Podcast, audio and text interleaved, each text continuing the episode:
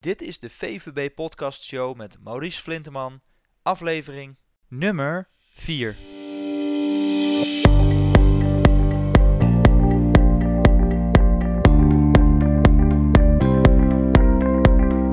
Welkom bij de VVB Podcast Show, waarin je luistert naar experts die je voorzien van de beste informatie, tips en tricks om het rendement op je vermogen te optimaliseren.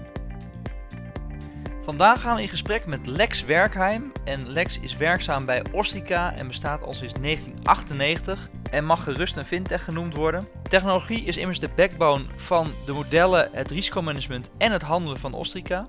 Het beleggingsbeleid wordt uitgevoerd door het kwantitatieve beleggingsteam van Ostrica en Lex zit er al sinds drie jaar eh, zit er erbij en is verantwoordelijk voor de acquisitie en het relatiemanagement.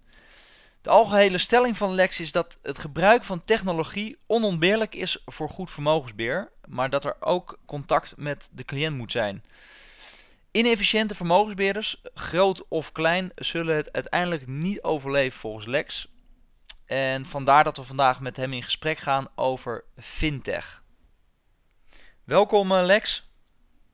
Dankjewel Maurice. Leuk uh, dat je er uh, vandaag bij bent om ja, ons meer te informeren over het onderwerp fintech bij vermogensbeheer. dat is iets wat natuurlijk steeds meer, ja, wat je steeds meer voorbij ziet komen. de wereld bevindt zich eigenlijk op dit moment in een enorme transformatie. Dat is ook iets wat, wat PwC heeft aangegeven in onderzoek Sink or Swim. De opkomst van technologie, technologie heeft de manier van leven en de snelheid waarmee we met elkaar communiceren ja, onwijs veranderd. Dat, dat zien we eigenlijk dagelijks wel. Maar welke impact dit, dit heeft op vermogensbeheers is nog niet helemaal duidelijk. Hè? Met name omdat het, uh, het oude model gebaseerd is op persoonlijke service en adviezen op maat. En daarin wordt ook eigenlijk aangegeven in het onderzoek van PwC. Op het moment dat jij niks doet, ja, dan sta je stil en dan ga je de komende tijd veel marktaandeel verliezen. Kun jij uh, ons eerst even meenemen wat, wat jou betreft fintech betekent bij, bij vermogensbeheer?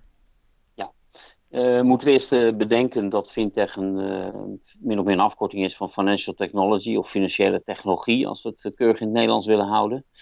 Um, en het woord zegt het eigenlijk al, technologie gebruikt voor de financiële wereld. dat, kan, dat betekent vaak dat er modellen gemaakt worden uh, volledig geautomatiseerd, die ten dienste van de financiële sector uh, uh, bepaalde processen moeten verbeteren ten opzichte van de huidige vaak inefficiënte processen. Ja, dus wat jou betreft zijn sommige modellen inefficiënt. Ja, ik denk dat de meeste modellen inefficiënt zijn. Um, dat het, dat, want wat vaak gebeurt, je zegt net zelf al bij vermogensbeheer, wordt persoonlijke service en maatwerk als uh, eh, USP genoemd. Maar je zou je kunnen afvragen welke van uh, die diensten, dus persoonlijke service en maatwerk, werkelijk vermogensbeheer is. Of eigenlijk meer onder de wealth management vlag en relatiebeheer uh, worden, moeten worden geschoven. Ja. He, dus um, als je naar het werkelijke beleggen gaat, dan kom je op het gebied van efficiëntie terecht.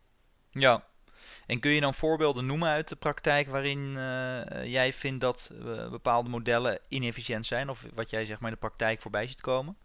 Ja, um, als je kijkt naar, want je moet natuurlijk wat wel belangrijk is, is uh, voor elke vermogensbeheerder natuurlijk, is dat hij zijn relatiemanagement en zijn persoonlijke service inzet op de cliënt. Dus hij moet niet dingen gaan verzinnen voor een doelgroep die hij niet kent. Dat moet heel duidelijk gekoppeld worden.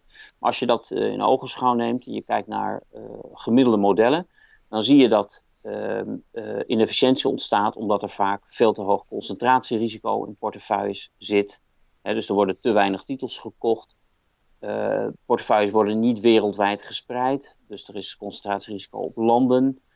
Ehm, kredietrisico van obligaties wordt niet voldoende gespreid. De rente is echt zo extreem laag dat te hoge risico's worden opgezocht. Uh, percentage aandelen is te groot. Uh, kortom, je kunt wel doorgaan. Uh, industriesectorspreiding is, is niet adequaat. Ehm, je kunt dus wel doorgaan om de inefficiënties eruit te halen. Ja, dat zou dan eventueel met zo'n model kunnen. Want, want fintech is natuurlijk.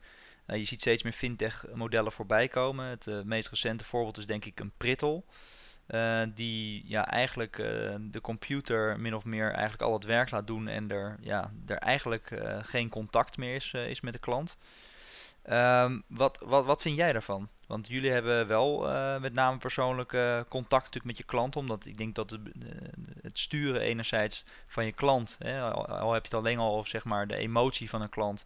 Al hoe die omgaat met extreme bewegelijkheid op de beurzen. Is, is denk ik al heel erg belangrijk. Dat je je cliënt goed kent en dat je hem aan de hand daarvan meeneemt. En ook blijft begeleiden. hoe zie jij dat naar de toekomst toe?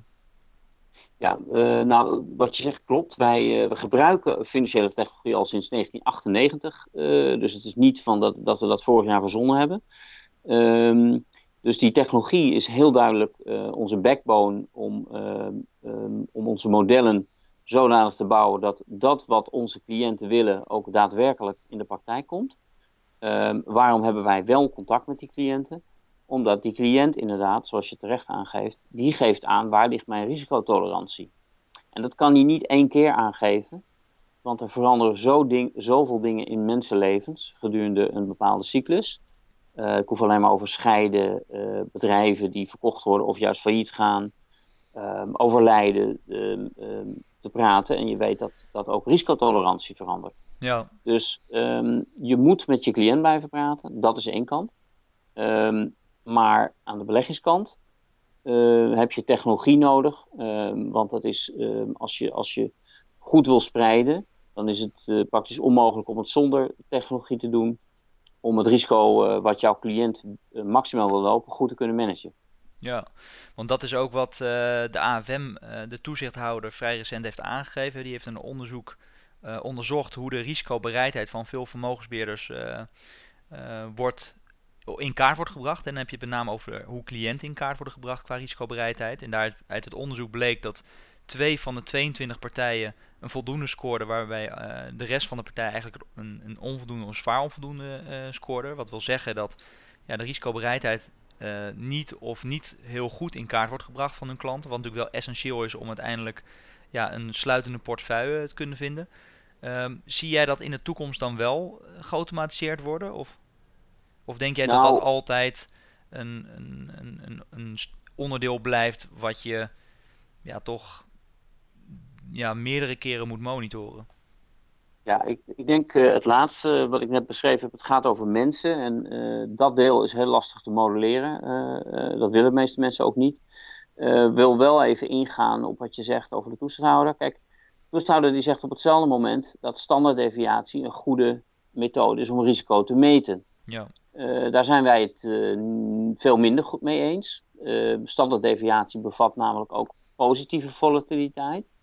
En wij gaan er als goede beleggers vanuit dat positieve volatiliteit gewenst is in portefeuilles. Als je geen opwaarts rendement hebt, heb je geen, helemaal geen rendement. En zeg je dus eigenlijk dat je mensen dwingt, en ook beheerders, om hun cliënten in portefeuilles in staatsleningen bijvoorbeeld uh, onder te brengen, of liquiditeiten. Ook al is 60% van de staatsle staatsleningen geeft negatief rendement. Ja. Uh, nou, als goede beleggers zeggen wij dat is geen goede zet. positieve volatiliteit is wel gewenst. Dus wij gebruiken, om al wat te noemen, maximum drawdown, oftewel de maximale percentage van een portefeuille mag dalen, als risicomaatstaf en niet standaarddeviatie. Want um, dan heb je de neerwaartse volatility die ongewenst is. En uh, de positieve rendement, het positieve rendement wat gewenst is. Een belangrijk uh, onderdeel wat hier wel bij vergeten wordt. Dus ja, misschien moeten meer beheerders meer doen aan, het, aan de intake. Hè? Dus van weet u wel zeker dat u 10% verlies acceptabel vindt. Um, maar aan de andere kant zeg ik, maar definieer, definieer dan ook risico goed. Ja, en wat jou betreft is het dus uh, dat je kijkt naar het maximale verlies wat een portefeuille uh, of wat een klant in een portefeuille kan lopen. Dat vind jij een betere maatstaf dan alleen te kijken naar de bewegelijkheid in een portefeuille. Absoluut, want uh, die bewegelijkheid, nogmaals, de positieve bewegelijkheid is juist iets wat een klant wil. Ehm, hij behoudt van vermogen met opwaarts potentieel als je de meeste beleggers vraagt, zeker als je de wat, wat oudere beleggers, en dat is gewoon, het is gewoon zo demografisch, de meeste mensen die wat ouder zijn, wat meer vermogen, dan zul je zien dat daar de meeste behoefte ligt. En ehm, als je dus bewegingsheid eruit gaat halen en je wordt gedreven naar de sub-asset classes die ehm, bijna geen risico kennen, dan kennen ze ook geen rendement meer. kortom, dan zegt toezichthouder eigenlijk van ja, dan moet je maar even alles in staatsleningen en liquiditeiten parkeren. Ook al moet je daar negatieve rendementen accepteren. Ja, ja helder. Um, en ja, van risico gaan we toch weer even terug naar het, het, onderwerp waar we het in eerste instantie over zouden hebben, uh, de fintech. Hè, want beleggen wordt, wordt steeds makkelijker gemaakt en er zijn uh, meerdere mogelijkheden uh, ja, komen er om, om te beleggen, zoals computergestuurde oplossingen zoals die fintech. Wat zijn wat jou betreft uh, nou echt de voor- of eventueel nadelen van fintech-dienstverleningen bij vermogensbeheer? Ja, want je koppelt hier uh, correct aan vermogensbeheer. Fintech is heel breed. Hè? Dus eigenlijk alle, financie- alle technologie, maar dan op financiële dienstverlening toegepast. Naar vermogensbeheer toe um, is het onze visie dat, um, dat het dus uh, een aantal toegevoegde waardes heeft. Uh, je kunt A zorgen voor meer kennis, hè? het inladen van gegevens en het gebruiken van gegevens geeft je de mogelijkheid om waarde toe te kennen aan uh, een aantal van die gegevens. Uh, het zogenaamde factorbeleggen. Hè, dat, dat houdt rekening met bepaalde factoren zoals waarde of groei of momentum.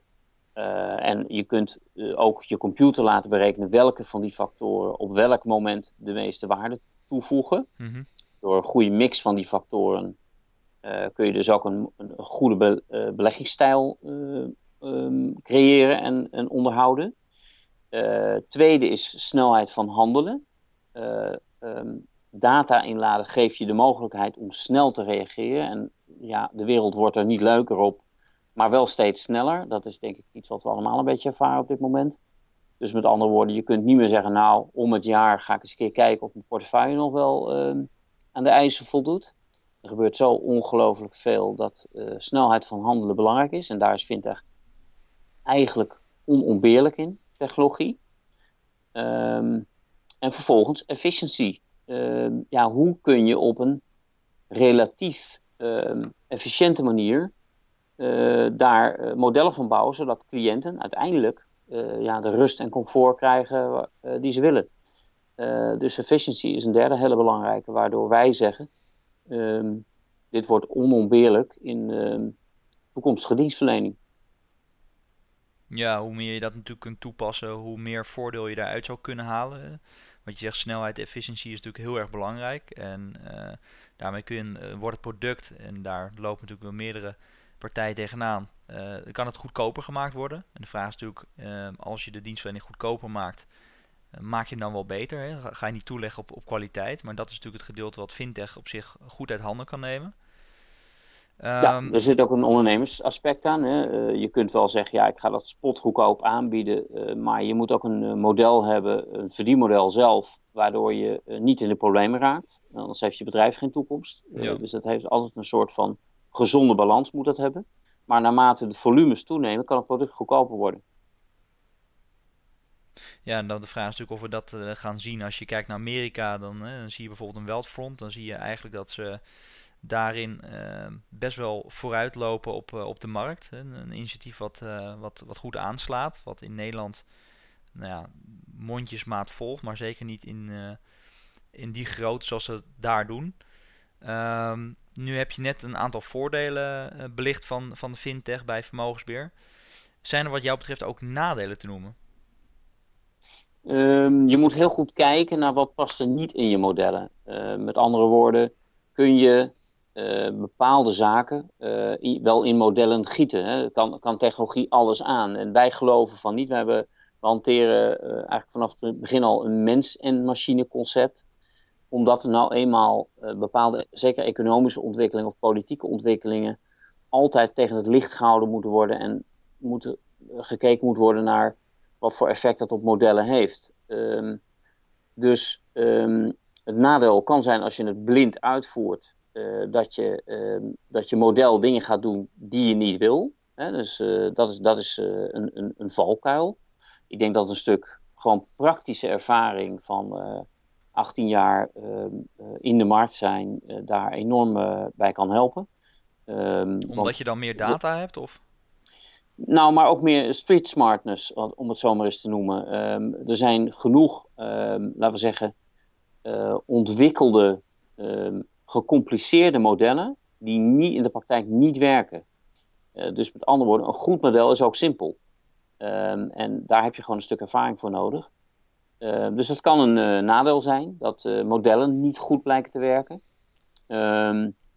Met andere woorden, je hebt, wat, wat, ik zeg, je hebt het wel over, een, over, over behavioral finance van mensen. En je, moet tegen, je modellen moeten tegen alles gewapend zijn. Centrale bankiers, China, politiek, oorlogsdreiging in het Midden-Oosten en, en daaronder. Um, of daarnaast. En um, dat, dat moet er allemaal in zitten. Dus dat kan een nadeel zijn, dat, je, dat, het, dat het model nog niet street smart is. Of niet met alles rekening houdt. Een ander is inderdaad wat jij zegt, het, als, als je dus van je klant afkomt. Hè, dus je gaat zeggen, ik ga dat geautomatiseerd aanbieden. Zonder dat er enige menselijke tussenkomst tussen mijn cliënt en mijn product is. Dan kan het zijn dat het product bij de verkeerde cliënt terechtkomt. Um, omdat die die, die toetsing van dat risico niet goed of niet genoeg plaatsvindt, wordt de cliënt teleurgesteld, want hij vindt of het model te saai worden, um, want er is geen rendement en geen risico meer, uh, bijna. Of hij vindt het veel te spannend worden, want er is te veel risico, weliswaar met hoog potentieel, maar dat maakt hij dan net niet mee omdat de markt net daalt in de, in de, in de tijd dat hij het koopt. Ja. En dat is ook een gevaar. Dus um, Ehm, dat zijn wel twee, in vermogensbeheer, wat toch ook echt een zaak is waar menselijk contact van belang is, zijn dat twee uh, mogelijke minpunten van fintech. Ja, dus daarin blijft eigenlijk het, uh, ja, het contact, het persoonlijk contact met de klant en het afstemmen van wensen, eisen, maar ook natuurlijk het uh, op jaarbasis te herbalanceren aan de hand van de situatie van de klant, de portefeuille, blijven toch maatwerk, zaken die je dus wat jou betreft niet helemaal uit kunt besteden aan de, aan de computers. Correct. Dat, ehm, ehm, dat, dat gesprek, dat gevoel van die cliënt, dat is essentieel om je werk goed, ook als computer, je werk goed te kunnen blijven doen. Uh, kijk, wat je bij vermogensbeheer ziet, en jullie zijn daar een levend voorbeeld van, is dat de markt steeds transparanter wordt.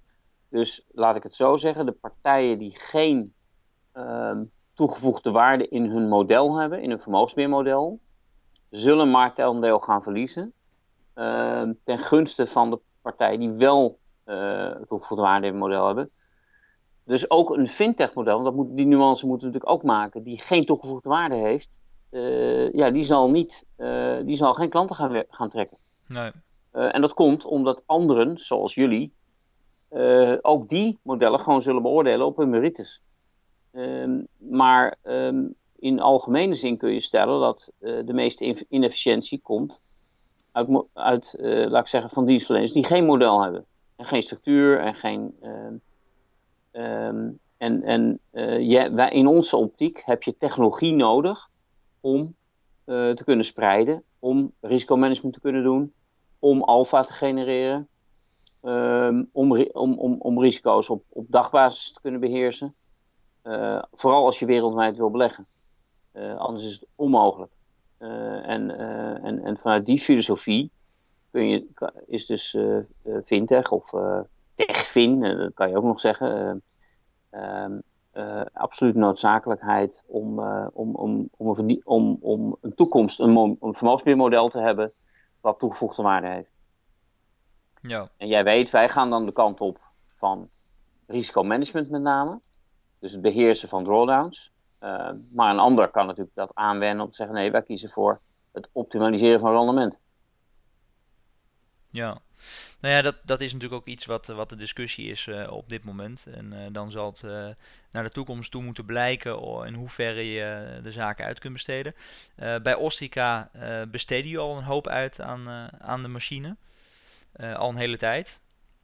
kun je daar in het kort nog even wat over vertellen? Ja, um, heeft een kwantitatieve achtergrond, zoals dat mooi heet. Met andere woorden, hoeveelheden data worden al sinds een jaar of 18 nou, toen heet het, was het nog niet eens ingeladen, want toen moest je het letterlijk inkloppen. Ehm, maar inmiddels kan dat heel snel en heel efficiënt ingeladen worden. Kun je heel efficiënt de, de outliers eruit halen, zodat je schone data krijgt. Heel belangrijk in dit vak.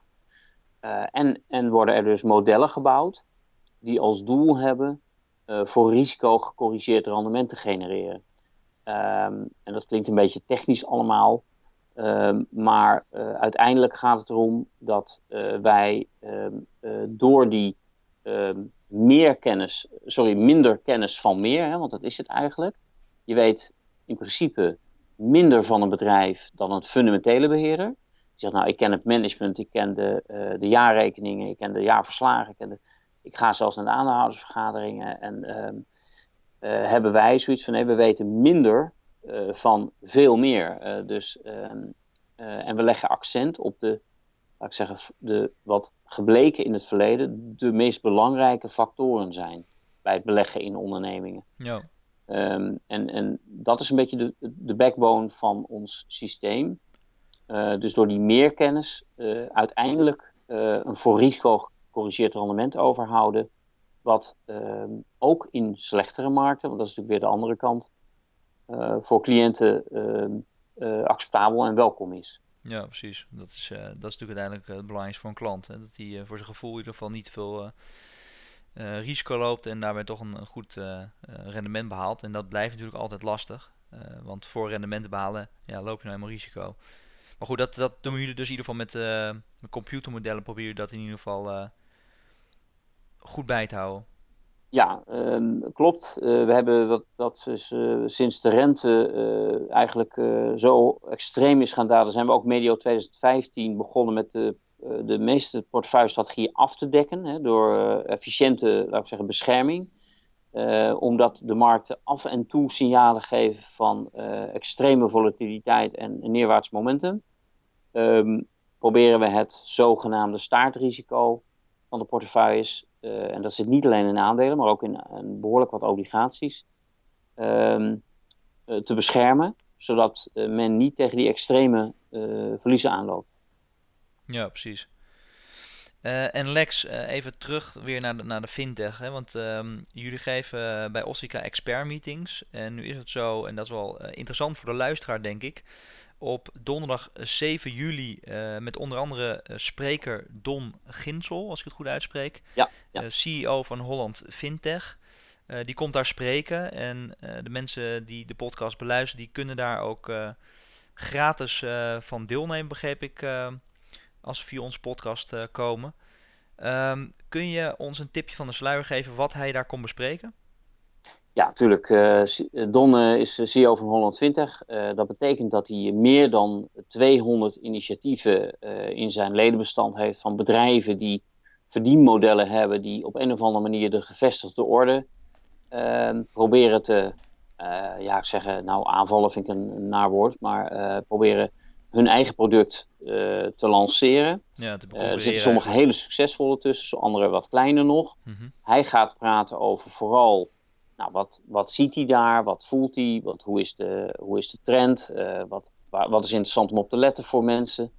Um, en uh, hoe, wat ziet hij als algemene trend in, uh, in fintech? Niet alleen in Nederland, maar ook in het buitenland. Die jongens zijn natuurlijk heel erg gelinkt met Silicon Valley en, en, de UK en noem het maar op. Ja. Wij gaan praten over het nut van financiële technologie überhaupt in um, modellen. Uh, dus met andere woorden, hoe werkt dat technisch uit? Hoe pakt dat uh, uit en wat heeft iemand eraan? Ja. En, uh, en ook gewoon wat concrete oplossingen. Dus als jij luisteraars en leden hebt die zeggen, nou, ik, ben, ik heb een bepaald vermogen en ik vind het leuk om, om eens naar die technologische kant te gaan luisteren, die actieve kant, dan zijn ze van harte welkom die avond. Ja, ik zal, ik zal een link in de show notes bij ons op de website plaatsen, dat ze, dat ze zich in ieder geval daarvoor kunnen aanmelden. Eh, donderdag 7 juli. Um, en waar is dat? In Dauphine? Klopt, in Dauphine in Amsterdam. Ja. Helder. Um, nou ja, dan uh, gaan we alweer bijna afronden, anders dan uh, wordt het wat te lang. Um, ik ben toch wel even benieuwd wat ik bij de meeste uh, ja, geïnterviewden doe. Is, ik ben altijd heel erg op zoek en ik vind dat leuk om te weten. Wat is nou voor jou de belangrijkste levensles? en dan sluiten we daarmee af. in jouw werkzame leven die jou wereld destijds volledig op zijn kop heeft gezet? Nou, dat is een hele persoonlijke vraag in mijn geval. Ehm, ik moet je heel eerlijk bekennen dat um, een van de belangrijkste levenslessen is eigenlijk wel het, dat het, het hebben van een, um, een, een, een gespreid systeem. En een systeem wat zeg maar kwantitatief cijfermatig aangeeft wanneer dingen niet meer goed werken. Um, een hele belangrijke is ehm, om je ehm, ja, een risicomodel uh, optimaal te laten zijn. Ehm, dus met andere woorden, soms is het goed kennen van een management, van een onderneming, of het lezen van een jaarverslag, of het bestuderen van een jaarverslag uh, niet genoeg. En hoe kan dat tot uiting uh, dat, je, dat dat jouw belangrijkste levensles is? Nou, omdat um, in dat geval de, uh, uh, bijvoorbeeld de realiteit, de actualiteit, die zaken inhaalt. En uh, de snelheid van um, veranderingen veel sneller gaat dan jaarverslagen of kwartaal-updates ehm, aan kunnen. dus met andere woorden, je denkt dat je in iets heel goed zit, maar dat wordt achterhaald door de waarheid. Dat gaat heel erg hard. En, waarom, en dat kan je dus heel erg hard raken. Um, en daarom zijn uh, zaken als concentratierisico, uh, snelheid van handelen, uh, juistheid van cijfers extreem belangrijk. En voor mij was dat een levensles, omdat ik de andere kant heb meegemaakt. Dat um, ja, feiten snel kunnen veranderen en snel achteruit kunnen gaan. En kun je daar een, een voorbeeld van noemen wat je daar dan precies mee bedoelt? Ja, zeker. Als jij uh, belegt in een bedrijf wat uh, maar één keer per jaar publicatieplicht heeft, of één keer per kwartaal, en in dat kwartaal gaat het toevallig heel erg slecht, en je weet dat niet, dan kun je op dat moment niet handelen. Um, en um, loop je dus enorm achter de feiten aan in bepaalde marktomstandigheden. Ja. dus dat kan, ja, dat kan dan heel duur zijn. Um, dus dat, dat, dat kan je dan schade opleveren. Ja, en dat is dan bij jou uh, ook gebeurd, begrijp ik. Ja, dat is bij mij uh, gebeurd. Uh, in het verleden, ik heb ook wel belegd volgens een fundamentele methode. En daar ook, ook soms heel succesvol, maar ook heel veel minder succesvol. En daar echt van geleerd van spreiding, risicomanagement, ehm, tijdig kunnen handelen, liquiditeit zijn hele belangrijke factoren.